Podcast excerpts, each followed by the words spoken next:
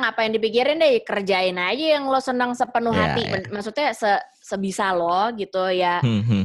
ternyata passion ini membawa gue kenal sama lo tanpa gue harus satu kampus sama lo tanpa Iya, gue iya, iya. permainan sama lo gitu tapi apakah daging habis itu kenal gue kagak juga tapi ketika dia udahan siarannya dia kagak ada lagi tuh tiap pagi-pagi gue nangis banget udah kayak lagi nangisin orang yang yang yang yang lo kenal itu aneh sih itu aneh sih bener juga itu Hmm. aneh Rak. itu aneh banget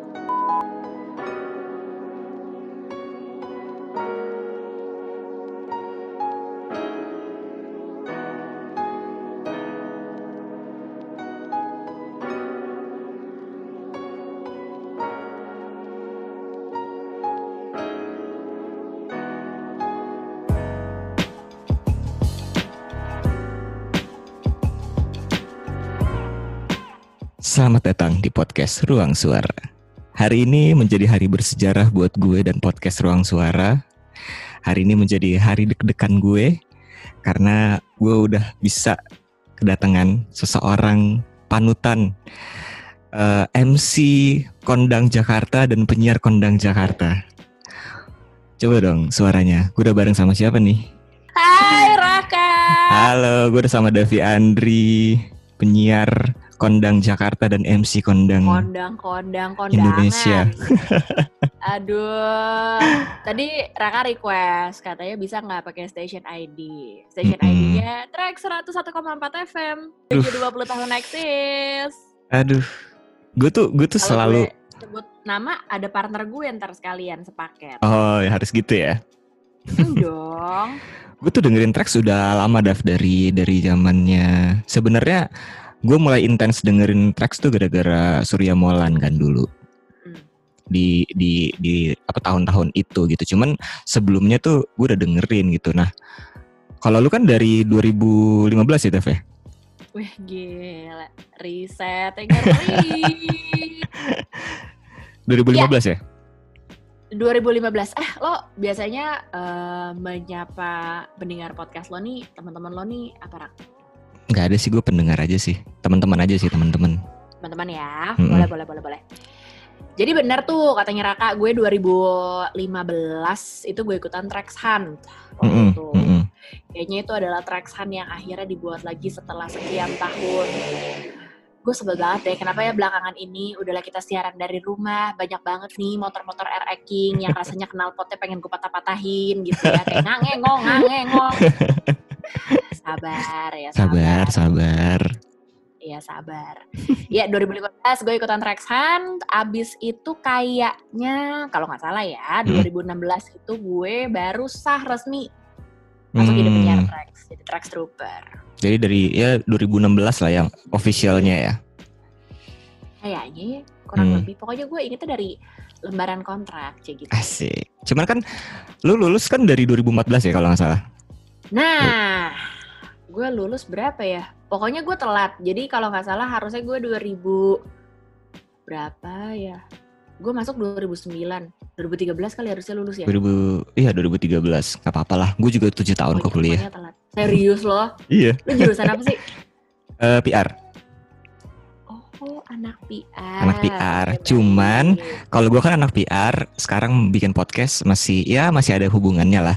Nah, tapi Davi Andri ini lulusan psikologi yang menjadi penyiar. Kenapa tuh Dav bisa kayak gitu? Kenapa ya? Jadi tuh dulu sebenarnya waktu gue kecil gue nyari kerjaan cita-citanya itu Mm-mm. pengennya jadi eh, pregawati. Oh ya? Kenapa? Karena dulu gue pikir profesi itu tidak membutuhkan matematika, hitung-hitungan, dan tidak ada di dalam kantor. Setuju. Jadi gue pikir, oh dia tinggal jalan-jalan aja gitu di catwalk, beres perkara gitu kan. Hmm. Ternyata dunia tidak sesederhana yang kita lihat di TV. Jadi lupain aja. Terus sebenarnya gue juga agak lupa-lupa inget kenapa gue berakhir di psikologi. Tapi kayaknya kurang lebih selalu alasannya sama deh.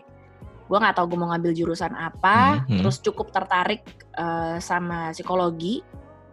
Terus gue pikir nggak ada hitung-hitungannya, tapi ternyata banyak hitung-hitungannya karena ada penelitian dan kalau nggak Iya, salah sampai gue lulus gue belum lulus bagian metodologi penelitian. Metodologi penelitian ya kuantitatif gitu-gitu lah ya. ya itu sampai sekarang gue nggak ngerti.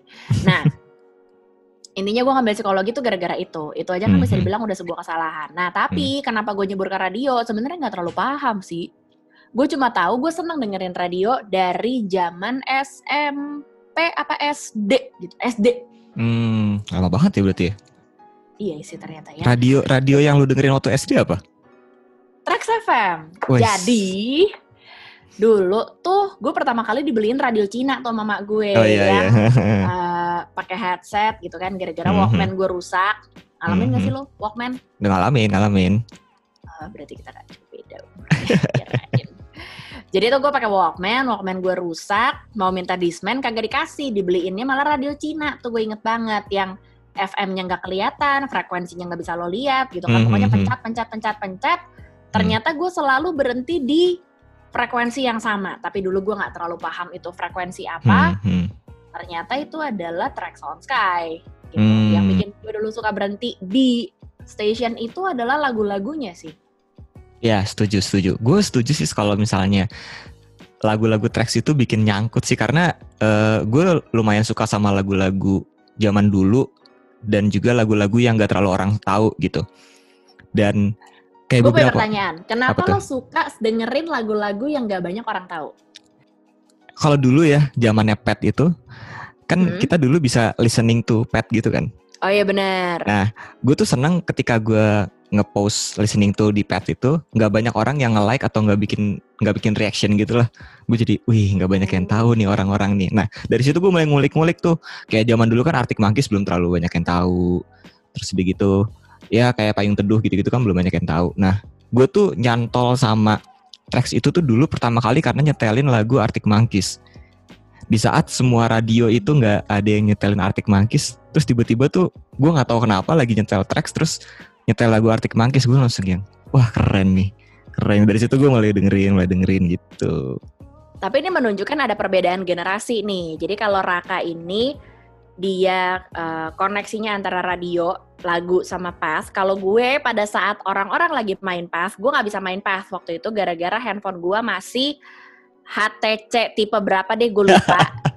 yang gue harus memilih kalau gue mau download pas, gue nggak bisa main Instagram. Itu pun error-error, pokoknya memorinya kan kecil banget seriusan ya. tuh, tuh mesti lu milih lu mesti milih maksudnya lu nggak bisa download dua-duanya Oh kalau bisa, kalau misalkan di download dua-duanya, kalau nggak salah gue harus ngapus aplikasi apa lagi. Pokoknya ujung-ujungnya handphonenya jadinya error, nge-lag-nge-lag Mhm. gitu. Mhm. Jadi gue kalau main PES, ya ampun pinjam handphone orang lain terus gue login. Set. Nah, cuma dulu gue ngalamin tuh yang kayak lorak. Eh, ada lagu-lagu kan gue nggak tahu ya ini lagu mainstream atau Hmm. bukan gitu. Pokoknya Hmm. enak-enak aja. Hmm. Gue rekam tuh dulu di kaset. Jadi begitu Oh, gue iya, iya, main, iya. Mhm. gue rekam sampai akhirnya gue punya banyak kayak ceritanya mixtape. Iya, dah. iya. kaset kosong gitu kan kaset kosong Mhm. ah, isinya lagu tapi gue nggak pernah tahu itu lagu-lagunya apa baru sekarang sekarang gue tahu oh dulu tuh ternyata gue dengerin um, homogenic oh ternyata ini Hmm. namanya Miami Horror itu gue baru tahu setelah gue jadi penyiar dulu gue nggak tahu itu lagu apaan Mhm, mhm. berarti Oh, dengan dengan ini apa? ada rasa eh kalau dulu ya kalau sekarang Hmm. sih bodo amat kalau dulu ada rasa ketika orang nggak tahu gue lagi dengerin lagu apa gue biasanya keren iya iya benar benar benar setuju setuju sih jadi edgy edgy gimana gitu kan Iya, kalau sekarang sih gini, lu kasih gue lagunya Nika Ardila kayak Dewa 19, Jamrut, mau Hindia, mau apa lagi deh tuh Ariana Grande, semua bisa gue nyanyiin. Wis, gila. Berarti emang kalau jadi penyiar itu hasanah permusikan lo jadi luas ya, Dev ya? Sebenarnya gue nggak terlalu paham sih, emang emang begitu atau enggak. Cuma yang gue perhatiin orang-orang yang nyebur di radio memang seneng, Hmm, emang seneng musik, seneng Mhm, lagu, emang punya passion nonton konser misalnya mhm, mungkin mhm. gara-gara itu kali jadi akhirnya terbawa ke radio juga gitu. Hmm, hmm, hmm, bukan hmm. bukan kebalik ya maksudnya eh misalnya nih jadi kayak misalnya maksain supaya kita suka musik gitu kalau menurut gue itu malah nggak works Hmm, oke oke oke oke. Jadi emang yang ya. suka sama musik terus baru nyemplung ke dunia radio lah ya. kayaknya ya soalnya kan kalau dipaksain juga pasti nggak nggak nggak menyenangkan gitu misalnya Hmm, hmm, hmm. gue memaksakan diri nyebur ke dunia film Hmm, hmm. Uh, padahal gue nggak ngerti-ngerti banget nih kayak Mhm. um, wah i- film ini bagus banget karena dia filmnya ceritanya nggak bisa di ngertiin atau apa. Buat gue Mhm, film mhm. cuma dua gitu. Uh, bagus atau buat gue uh, jelek-jelek itu karena mungkin gue nggak suka aja tapi gue nggak ngerti jeleknya di mana gitu. Mana-mana ya kayak gitu.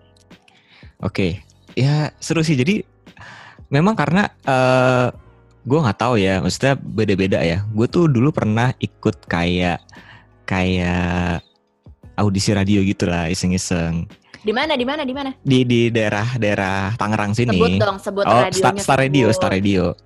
oh Star Ya, ya, Star Tahu Radio. gue. Gue pernah tuh, karena teman gue ada yang di sana kan, jadi eh kata teman gue ikut-ikut aja lah. Ya udah, gue coba ikut-ikut dan Siapa? memang gue juga punya teman namanya Rian Otot bukan Ah, bukan, bukan. Ada namanya Martin. Kalau Martin kalau dengerin gak mungkin sih. kita kirim ke Martin terus Terus eh dan emang pas ada kan jadi ada tesnya gitu kan pertama kali. Nah tesnya pertama kali itu emang bener-bener tentang musik kayak eh, lu dengerin lagu-lagu apa. Terus dia nanya kayak lagu-lagu terkini dia dia nyebutin sih tahun sekian sampai tahun sekian lagu-lagu yang lo tahu eh, apa aja terus dia gitu dia kayak specifically waktu itu kalau nggak salah suruh ngebahas tentang Jason Mraz tuh apa yang lo tahu tentang Jason Mraz kayak gitu gitulah jadi menurut gua kayaknya memang dari awal tuh lu mesti mesti emang into music dulu ya untuk bisa bisa masuk ke radio gitu. Gue kayaknya kalau di audisi di sana bisa nggak masuk deh. Soalnya ya rak ya. Misalnya gini Jason Mraz tuh tahun berapa? Musik 2001 nih siapa? Gue nggak tahu. Gue cuma tahu misalnya gini Linkin Park itu eh, Crawling itu keluar pas gue kelas 3 SD gue nggak tahu lah itu tahun berapa misalnya gitu. Iya, iya, gue iya. kalau Hmm, hmm. masuk ke sana gue bisa nggak masuk deh. Gawat juga.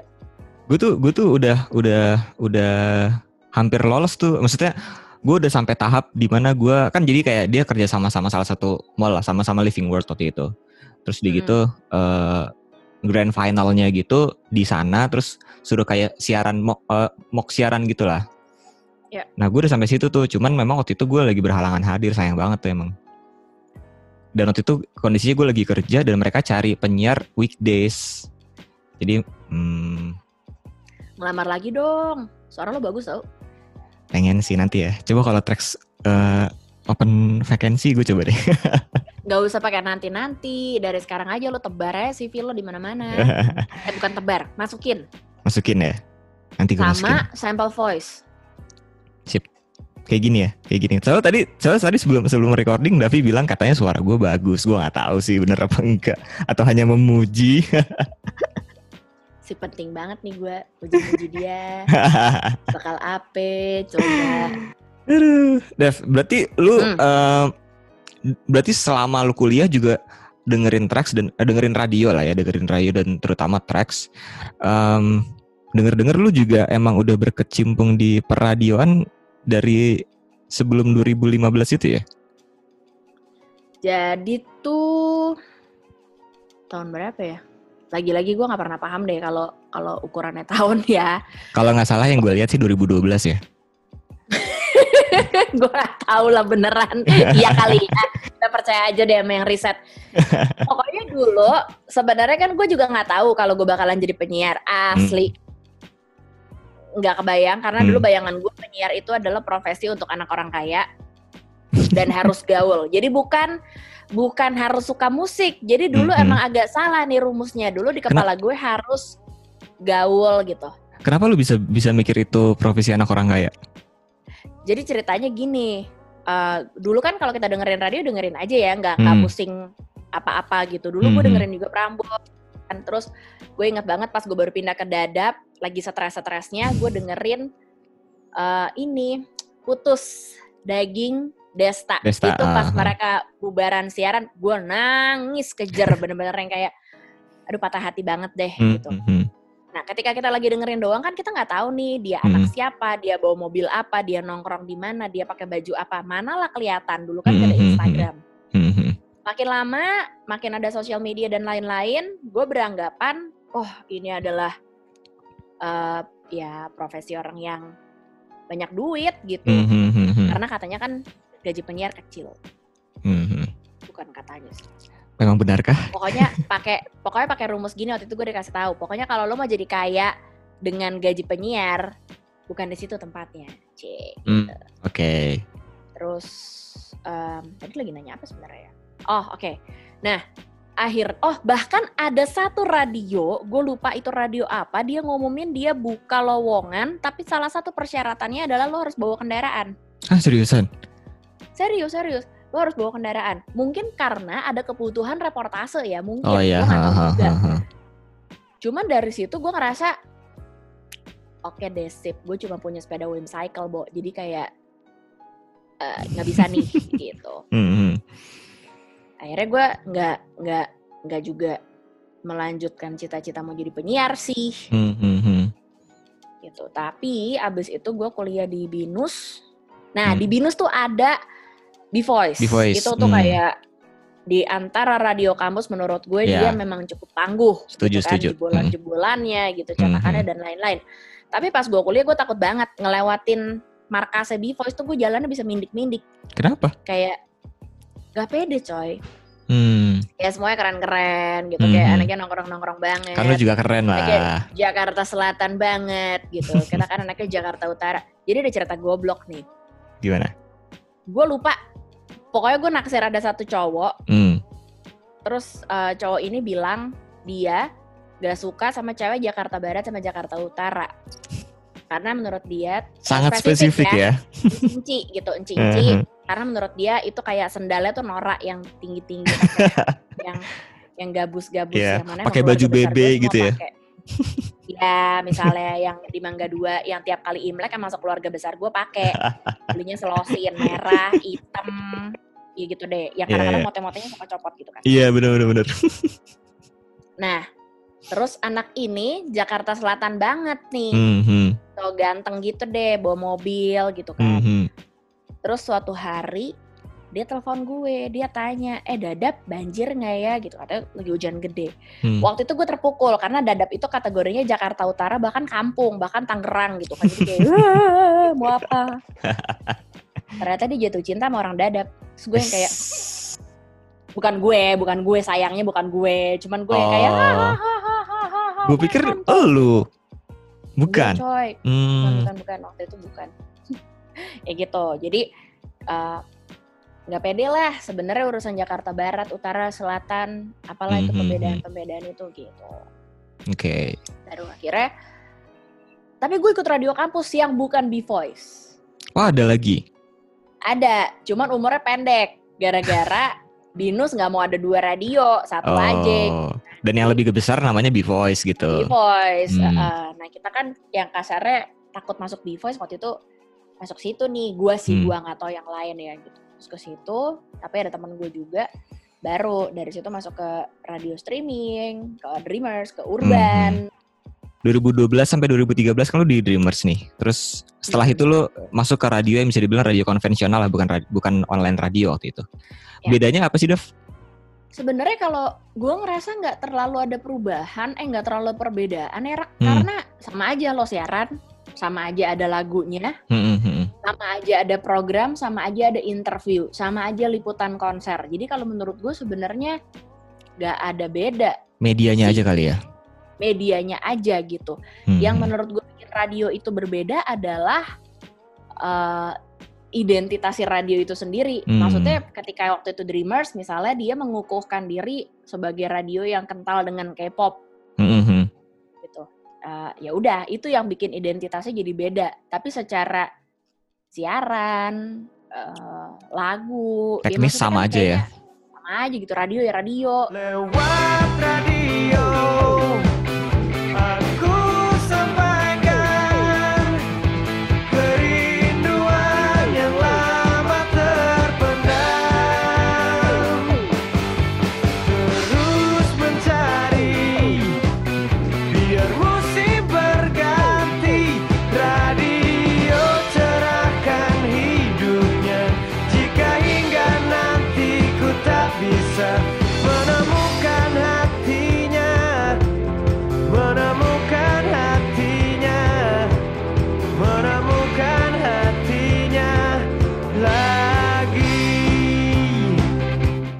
lu bilang lu eh, patah hati banget waktu daging desta bubar gitu kan. Ya. eh, emang segitunya maksudnya gi- segituan segitunya ya hubungan antara penyiar dan pendengarnya ya Dav ya. Yang gue rasain ya karena gue lumayan sakit hati pas eh, Surya Molan, Mr. Will sama Dimas itu dua dua hari patah hati buat gue sih karena gue lumayan dengerin mereka tuh. Nah emang Kenapa lu patah hati banget? Eh, soalnya itu yang itu yang yang nemenin gue ketika gue lagi jalan ke kampus kah? Atau misalnya waktu itu gue lagi magang tuh. Gue lagi magang terus berangkat gue dengerin Surya Molan terus pulang gue dengerin mereka. Jadi jadi kayaknya tuh lumayan ke attach. Maksudnya gue lumayan suka WhatsApp juga terus suka mention mentionan terus kadang-kadang suka dibacain. Jadi hal-hal kayak gitu tuh yang ngebikin hubungan antara pendengar sama penyiar tuh sedekat itu ya Dav ya Kayaknya mungkin sama ya.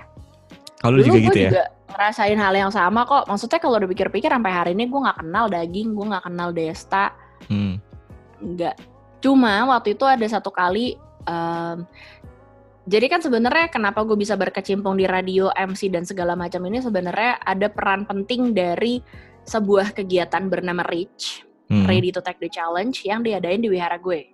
Oke. sebenarnya ini Hmm. perannya justru yang menurut gue paling gede karena ketika gue mengalami segala drama ketidakpercaya dirian itu Hmm. acara ini ngajakin untuk siapa pun lo dengan latar belakang apa pun itu siapa pun orang tua lo banyak atau enggak duit lo lo boleh jadi apa pun kok gitu Mhm.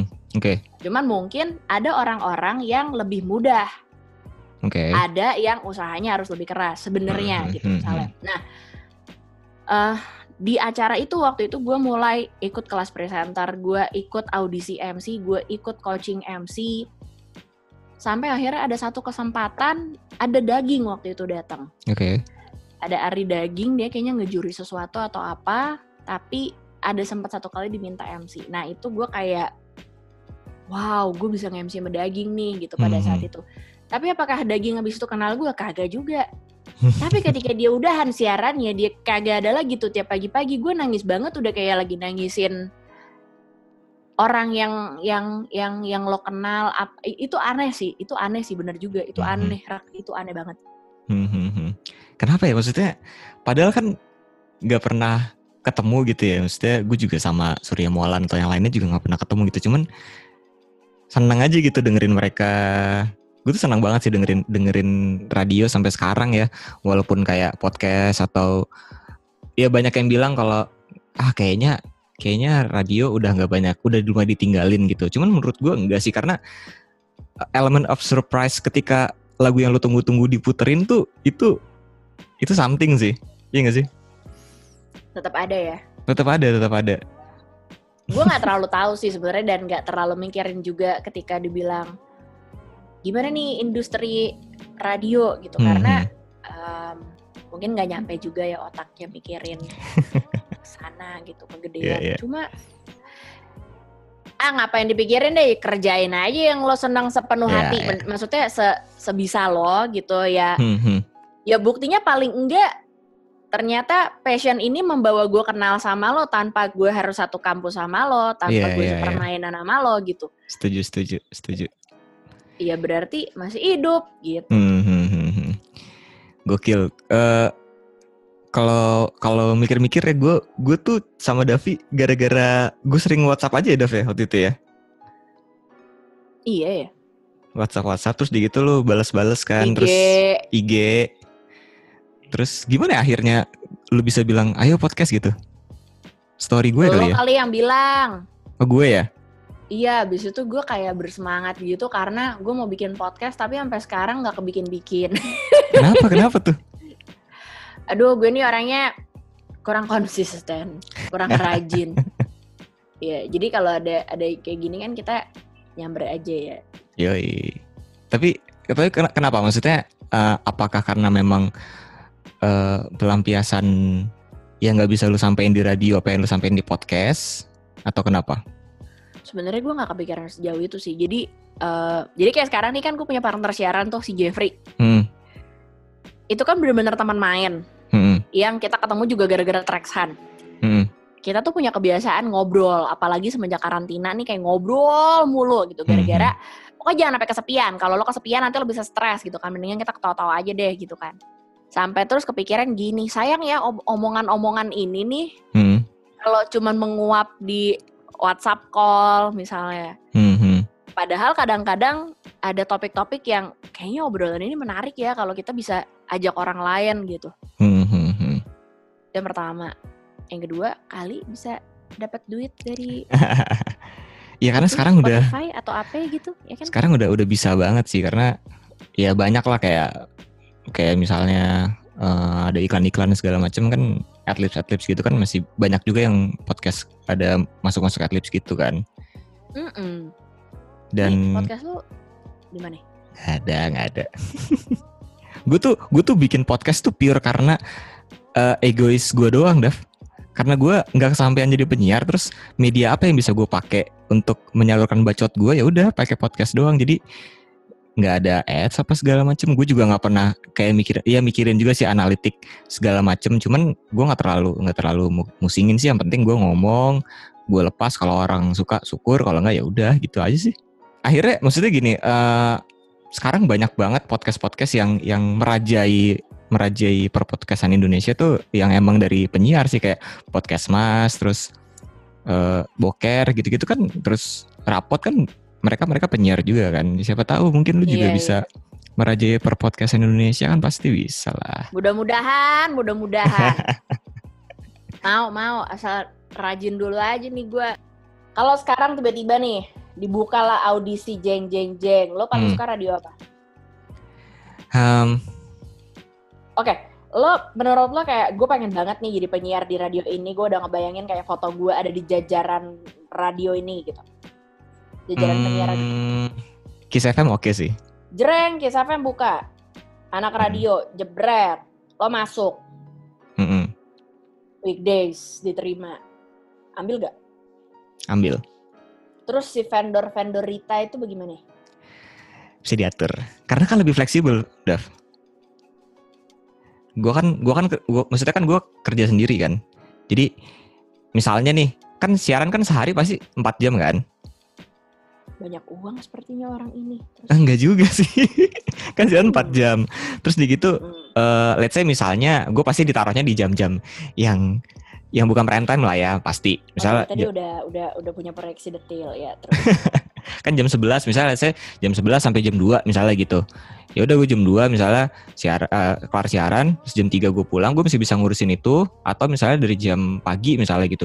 Jam 8 gue ngurusin kerjaan segala macem sampai let's say misalnya jam 10 jam 10 gue berangkat jam 11 gue siaran jam 2 gue kelar jam 2 gue bisa ngelanjutin lagi kerja gue kan yang gue rasain adalah siaran tuh 4 jam. Hmm. Tapi kerja lu tuh nggak 4 jam loh.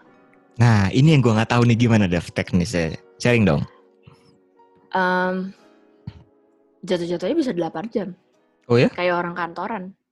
Maksudnya misalnya kayak sekarang kita lagi merapat di rumah gitu. Hmm. Lo bikin skrip, lo nyiapin eh, materi, Hmm, terus hmm. misalnya karena ada caller lo sebar pertanyaan dulu, terus kemudian lo pilih lagi siapa yang mau ditelepon, Hmm, hmm. kemudian ditelepon dan lain-lain. Kemudian eh, ya balik lagi karena ini kebetulan lagi siaran dari rumah, berarti kan ada teknis misalnya ngejahit audio dan segala Ya, macem. Hmm. Udah kelar itu semua, udah naik, lo dengerin lagi, jadi lo bisa evaluasi Hmm, hmm. Apa yang oke, apa yang nggak oke dan lain sebagainya. Dan kemudian lo siapin lagi produksian buat besok karena Hmm. di siaran itu ada yang eh, sifatnya on air langsung, ada yang sifatnya produksian. Misalnya kayak di gua kan Mhm. ada on the trot. Ya. Nomor 5, memang Hmm, itu kan diproduksi. hmm. Itu nggak bisa 4 jam tuh. Kayak jatuh-jatuhnya gue berasa kayak orang kerja kantoran sih. 8 jam 8 jam juga ya. Jatuh-jatuhnya sama. Hmm. Terus denger-denger juga em, mereka-mereka yang kasarnya udah lebih senior dalam arti udah lebih lama gitu Mhm. nyebur di dunia broadcast ini emang segitu sih gitu. Hmm. Apa apa sih? Gue gimana ya, Dav? Gue tuh gue tuh dari dulu pengen banget kan. Terus ketika ada kesempatannya kenapa enggak sih? Menurut gue sih gitu. Walaupun pasti banyak pertentangan lah dari keluarga, dari segala macam pasti akan ada pertentangan. Cuman Hajar lah rak. gue sih pasti hajar sih. Gue pasti hajar sih. gue pasti Ya, hajar. bi- kirim aja dulu apa rekaman suaranya, sample voice ya. Kirim kali ya. Gue tuh dari dulu nggak pernah Ke mana kepikiran loh kayak gini. Gue nggak pernah kepikiran nih sampai lo ngomong gini nih. Gimana sih?